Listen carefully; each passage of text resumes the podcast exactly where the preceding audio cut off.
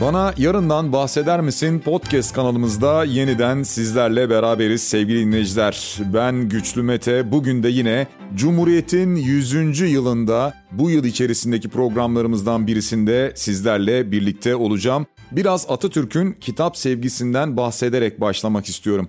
Biraz sonra konuğumuz Doğan Hızlan'a da soracağım bunu. Atatürk yani Mustafa Kemal Paşa savaşta Kurtuluş Savaşı bittikten sonra cepheden kitaplarını toplatmak istiyor. Fakat diyorlar ki paşam kitapları götürecek bir yer bir şey yok taşıyamıyoruz şu anda. Bunun üzerine diyor ki kitapçısına ki o dönem onunla ilgilenen Nuri Ulusu var. Diyor ki o sandıklar var ya diyor o sandıklarla taşıyalım. Diyorlar ki onların için silahlar var. Silahları diyor boşaltın oradan onun yerine kitapları koyun ve kitapları taşıyalım diyor. Yani Atatürk'ün aslında cephedeyken bile ne kadar çok kitap okuduğunu çok iyi biliyoruz. Şimdi bütün bunları aslında çok daha detaylı bir şekilde konuşacağımız konuğumuz yanımızda. Kendisi gazeteci, yazar, çok şey sayabilirim ama sanat dünyasının, edebiyat dünyasının duayen ismi. Aslında ben bu röportaj öncesinde düşündüm. Çok uygun bir sıfat gibi geldi. Aynı zamanda düşünür diyebileceğim. Doğan Hızlan şu anda bizimle beraber. Doğan Bey merhaba. Merhaba.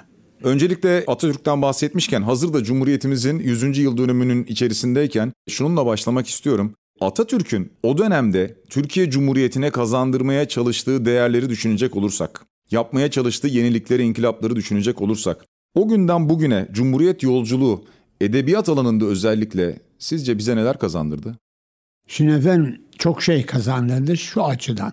Önce söyleyelim ki Atatürk'ün kitaplığını Anıtkabir'de ben gezdim, gördüm. Birçok düşünür var orada.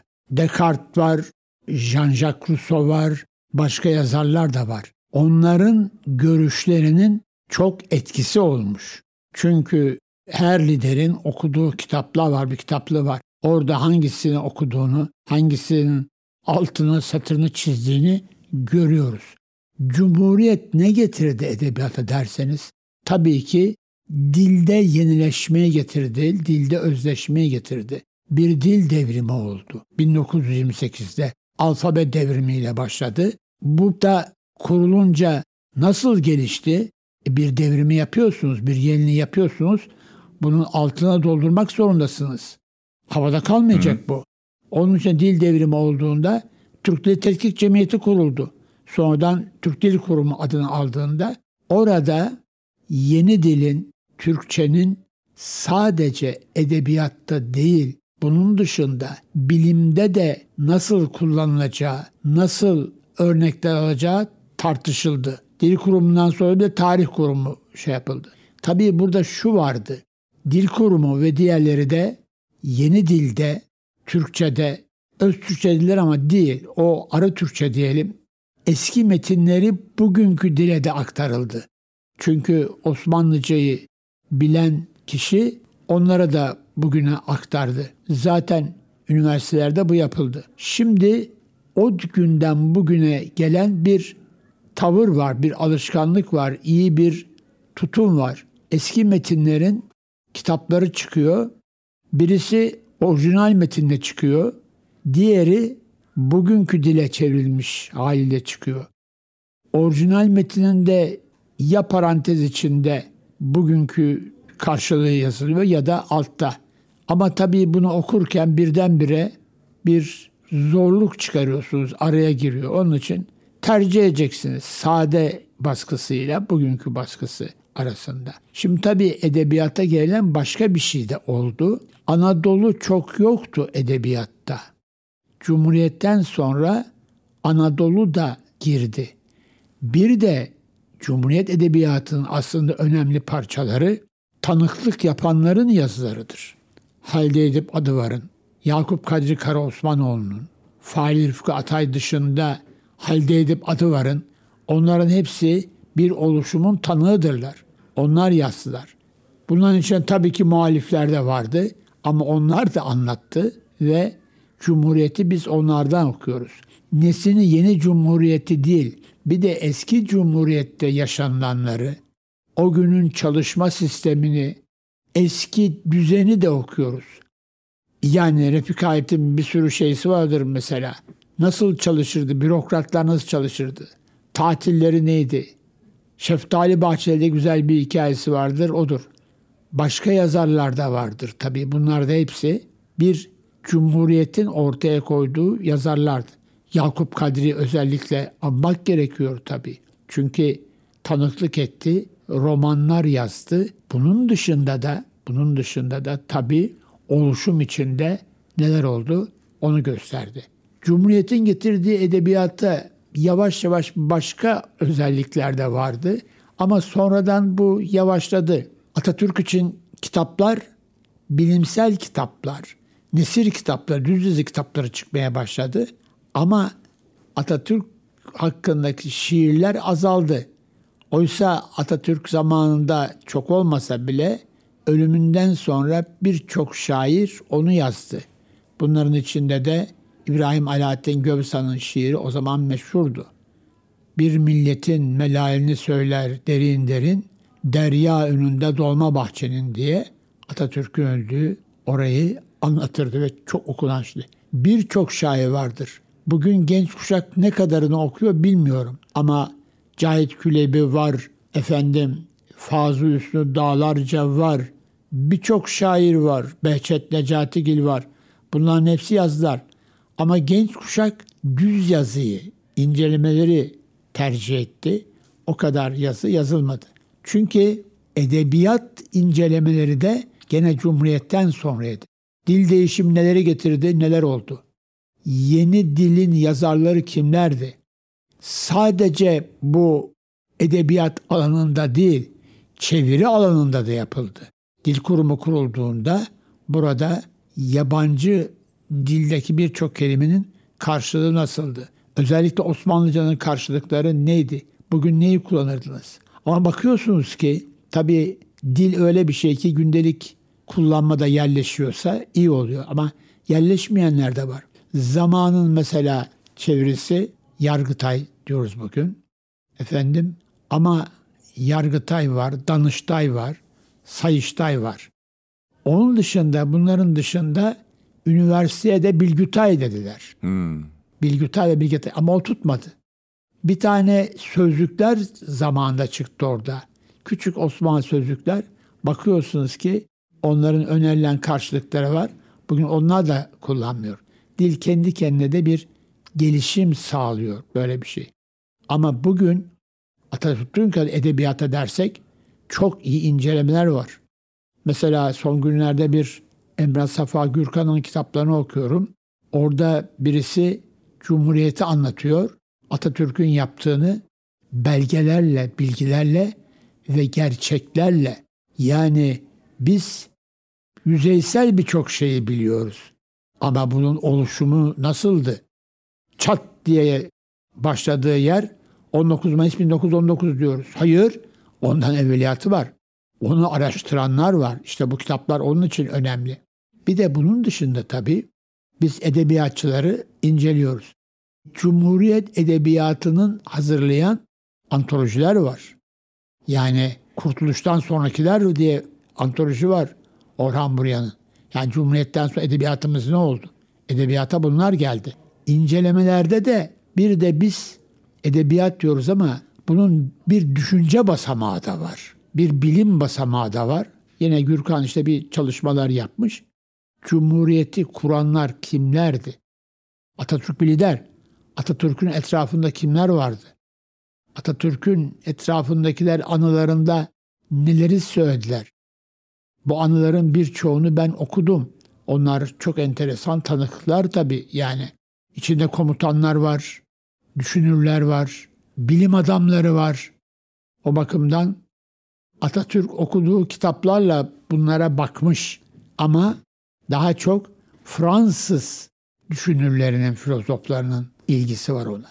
Peki Atatürk'ün o dönemini sizin de söylediğiniz gibi aslında 19 Mayıs 1919'da başlayan dönemini değil, öncesinde okumuş olduğu kitaplar, oradan edinmiş olduğu fikirler, bir yol haritası olduğunu belki zaman içerisinde yavaş yavaş anlıyoruz. Çok daha net belgelerle ortaya konduğunda. O dönemin aslında Cumhuriyet döneminin yazarlarından, şairlerinden de bahsettiniz biraz önce sanki o dönem daha mı e, hareketliymiş edebiyat dünyası yoksa biraz bugünü soracağım da Atatürk'ün o dönem yerleştirmek istediği bu e, Türk dili, tarihi, edebiyatı bu dönem nasıl görüyorsunuz? Yani 100 yıl sonra geldiğimizde Cumhuriyet'in ilanından sonra Atatürk'ün de çok böyle hayal ettiği, istediği bir noktada mıyız şu anda? Nasıl değerlendirirsiniz? Şimdi efendim siyasi olaylar tabii incelenir, zamana göre değiştirilir. Şimdi evvela biz yapılan bugünkü araştırmalarda Atatürk'ün çevresinde kimler vardı? Bunun içinde. Yani biz öyle güllük gülistanlık anlatıyoruz ki Erzurum gidildi, Sivas gidildi, herkes topladı. Şüpheler var, bazen kuşkular var. Atatürk zaman zaman yalnız kalan bir adam. Onlarla görüşüyor, konuşuyor, sonra ikna ediyor. Bunları var. İşte o zaman şiiri, edebiyatı var. Ama Atatürk'ün Cumhuriyeti Anadolu'yu getirdi kültürün gündemine. Ona dikkat etmek lazım. Çünkü Cumhuriyet gerek müzik alanında, gerek resim alanında çok önemli gelişmeler yaptı. Şimdi tabii Anadolu'yu bilmek için ne yapmak gerekirdi? Bir rejimin yerleşmesi için mutlaka sanatın yardımına ihtiyacınız vardır. Bakınız bir sürü bilim adamını batıya gönderdi Atatürk. Orada çalıştılar, yaşadılar. Sonra geldiler. Cumhuriyete kimler çok yardım etti diye rahmetli Mengü Ertel'in bir dizisi vardı TRT'de yayınlanan. Yani oraya gidenler gelince neleri getirdiler, neleri yaptılar bilim adamları. Çünkü bizde Tanzimat'la beraber yenileşme başlamıştı. Ama bu yenileşme belli kişiler için yapıldırdı ve sarayla kısıtlı kalmıştı. Atatürk bunu halka indirdi, topluma indirdi ve onlar da bu sayede sanatçılar da gerçekten de orayı bize tanıttılar. Yani halk resimlerini gördüğünüzde bambaşka bir dünyayı sanat aracıyla tanıyorsunuz. Bugüne geldiğimizde benzer durumu görebiliyor muyuz? Bugün artık dünyada her şey dolaşmakla temasla mümkün olduğu için yani mesela Paris'te toplanmıştı ressamlarımız. Orada Parisli ressamlar hepimiz o kuşaktan ahbaplarımız vardır. Onlar yaptılar. Ama şimdi böyle bir toplam yeri yok. Yani her yere açılabiliyor sanatçılar. New York'a da açılıyor. Efendim Avrupa'nın başka kentlerinde açılıyor. Almanya'da açılıyor. Çünkü ayrıca bu göçler de sanatçı göçleri de oraları yazmaya başladı. Yani Almanya'ya gitti bir takım insanlar. Oraya çalışmaya gidenler var. Ama içlerinden yazarlar da vardı. Onların yazdıkları kitapla bizi Almanlara, Almanları bize tanıttılar. E şimdi dünya artık McLuhan'ın dediği gibi küçük bir köy olduğu için herkes her yeri dolaşabiliyor. Oradan da yararlanıyor ama Türkiye'deki özü de ihmal etmiyor. Aslında çünkü her yerin bir özü var, bir serüveni var, kültürel birikimi var. Onlar da Cumhuriyet'le ortaya çıktı ve şimdi hiç kuşkusuz onlar da devam ediyor.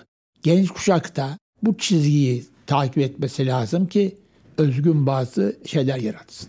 Bu arada zaten zaman zaman yurt dışından gelen ödül haberleri oluyor. İşte mesela evet. Orhan Pamuk aldı, e, evet. Nuri Bilge Ceylan aldı. Zaman zaman bu alanda sinema alanı olabilir, yine edebiyat ve yazarlık alanı olabilir. Bu alanlarda alınan ödülleri de görüyoruz, duyuyoruz. Bunları biraz daha arttırmak için sizce neler yapılabilir? Burada biraz böyle bir yine siyaset var mıdır? Yani ülkeler arası güdülen farklı politikalar var mıdır? Engeller var mıdır? Siyasetin olmadığı yer yoktur. Ama şöyle bir şey var. İyi eser o siyaseti aşıyor. Tabi bazen diyorlar ki yani memleketi eleştiren eserler var filan. Onlar edebiyatın dışına düşmezler. O da olacak. Tabii ki bir ülkeyi tanıtmak için de onu okumak gerekiyor. Bizim insanların da okuması gereken kitaplar var. Yani şimdi Cumhuriyet'in getirdiklerini diyoruz ama bir Yunus Emre var. E şimdi Türk edebiyatını anlamak için bunu okumak gerekiyor. E dünya edebiyatının bazı önemli kitapları var. Onlardan biri Shakespeare. Milli Eğitim Bakanlığı zamanında tercüme bürosunu kurdu. Çünkü birçok kitap çevrilmemişti bize yahut eksik çevrilmişti. Özeti çevrilmişti. Tercüme kuruldu ve orada birçok değerli yazarlar alındı. Onlar Batı'nın önemli eserlerini dilimize çevirdiler. O devam ediyor. Yani Hasan Ali Yücel'in dönemindeydi. O başladı ve tercüme bürosunun birçok kitabı çıktı. Tercüme dergisi de vardı. Onlar da bizim kültür hayatımızda önemli bir şeyleri var. Şimdi tabii üniversiteler arası çalışmalar var. Yabancı dilde çeviriler var ama bazı özleri de kaybetmemek lazım. Yani bir yazarımız batıya açılmak istiyorsa bence Türk Edebiyatı'nın önemli eserlerini okuması lazım. Çünkü herkes evet biz diyoruz Avrupa'yı ama bir de şu var ki oranın insanları da o yazarın memleketini tanımak istiyorlar. Özgünlük, farklılık çok önemli bir şey. Orhan Pamuk'ta da öyle. Filmlerde de öyle. Bu arada şahsi bir iki merakımı sormak istiyorum. Bir tanesi bugüne kadar kaç kitap okumuşsunuzdur? Bir sayı var mı böyle? Size sorulmuştur bu muhakkak. Vallahi bir şey söyleyeyim. Onları sayamıyorum. Çünkü doğduğumdan beri kütüphaneyi kurdum. Tek kardeşim ben de, tek çocuğum. Bütün gün okudum, yazdım, bir de müzik yaptım. Onun için hayatı kitaplardan gördüm. Dışarıda o kadar böyle kuşağımın gezilerine, tozlarına değil, eve kapanır kitap okudum. Onun için kaç kitap okuduğumu bilemiyorum. Yazlığa bile gitmezdim. Beyaz Kütüphanesi'nde çalışırdım. Yani bir parça kitapsız ve şey kalmak rahatsız ederdi beni. Demek ki çalışmayı biliyorum da dinlenmeyi bilmiyorum. Bu da bir özellik. Evet bu da ilginçmiş gerçekten. Daha önce de sizinle bir röportaj yapmıştık. Orada da sormuştum. Yine aynısını sormak istiyorum. Bir okur Sizce seçici olmalı mı? Şu manada soruyorum. Yeni bir kitap çıkıyor. Her hafta birçok kitap çıkıyor. Gittim onu aldım okudum, bunu da aldım okudum, onu da okuyorum gibi bir tavır mı? Yoksa biraz daha seçici davranmalı bir tarz mı edinmeli kendisine? Şimdi tabii baştan okurun bazı sevdiği türler vardır. O türlere göre seçsin. Hepsini okumak mümkün değil. Benim başıma ilk fuara gittim. Frans Kitap Fuarı'na ilk girişim. Çok yıllar önce. Sabah Onda girdim. Oturmadan dört buçuğa kadar öyle bir hal yaşadım ki ne kadar çok kitap görürsem o kadar bilgi edineceğim, o kadar kendimi geliştireceğim.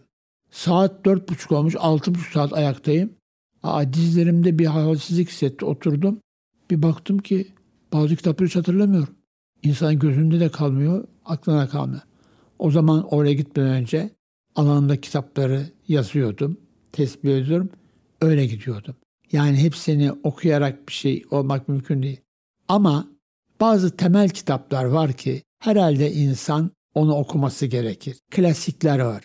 Rahmetli eleştirmen Nurullah Ataş derdi ki bu klasikler soy eserlerdir. Yani onları okumak gerekir. İkincisi Türkçenin de klasikleri vardır. Onları da okumak gerekir. Böyle bir okur zaten yolunu bulacaktır. Hangi konuyu seçerse. Birisi polisiyeyi sever, ben de çok severim. Birisi şairleri sever. Başka bir yanda antolojiler de insana yardımcıdır. Okursunuz, oradan birini beğenirsiniz ve okumaya başlarsınız. Ama dediğim gibi bir altlık gerekiyor klasiklerden. Bir de şimdi e, biraz çocuklarla ilgili konuşmak istiyorum. Yani e, gelecek nesil için konuşalım istiyorum. İş Bankası'nın yıllardır çocukların okuma alışkanlığını kazanması için sürdürdüğü Karneni Göster kitabını al projesi var evet. ki siz yakinen takip ediyorsunuz diyeceğim ama siz yakinen destek veriyorsunuz buna. Tamamen içindesiniz o konuşma, yıllardır. O konuşmada ben yapardım. Evet konuşmalarda hep ben sizin yapardım. tarafınızdan olurdu. Doğru. Efendim çok önemlidir bu. Hı-hı. Çünkü insan görerek sever. Ve ilk kitap ben de zamanında ilkokulu bitirdiğimde o zaman yıllar önce Hürriyet'in bir kampanyası vardı. Göster karnı kitabını al diye. Herkes oraya gitti. Şimdi de insan bir kitabı alınca gördüğü şeyi seviyor. Ama şimdi tabii seçimler de değişti. Evvelden ana baba tavsiye ediyor. Ama şimdi bu televizyon internetten sonra çocuğun da tercihleri var. Onun tercihlerine de riayet etmek lazım ama fikrinizi de söylemeniz gerekiyor. Şimdi televizyonu seyredip internette bazıları ne okuyayım bunu diyor. Seyircilerde de bu var mesela. Aşkı Memnu dizi yapıldı. Şeydeyim ben, kitapçıdayım. Hayır ya Uşaklıgil ya yılların yazarı. Aşkı Memnun'un romanı çıkmış diyorlar.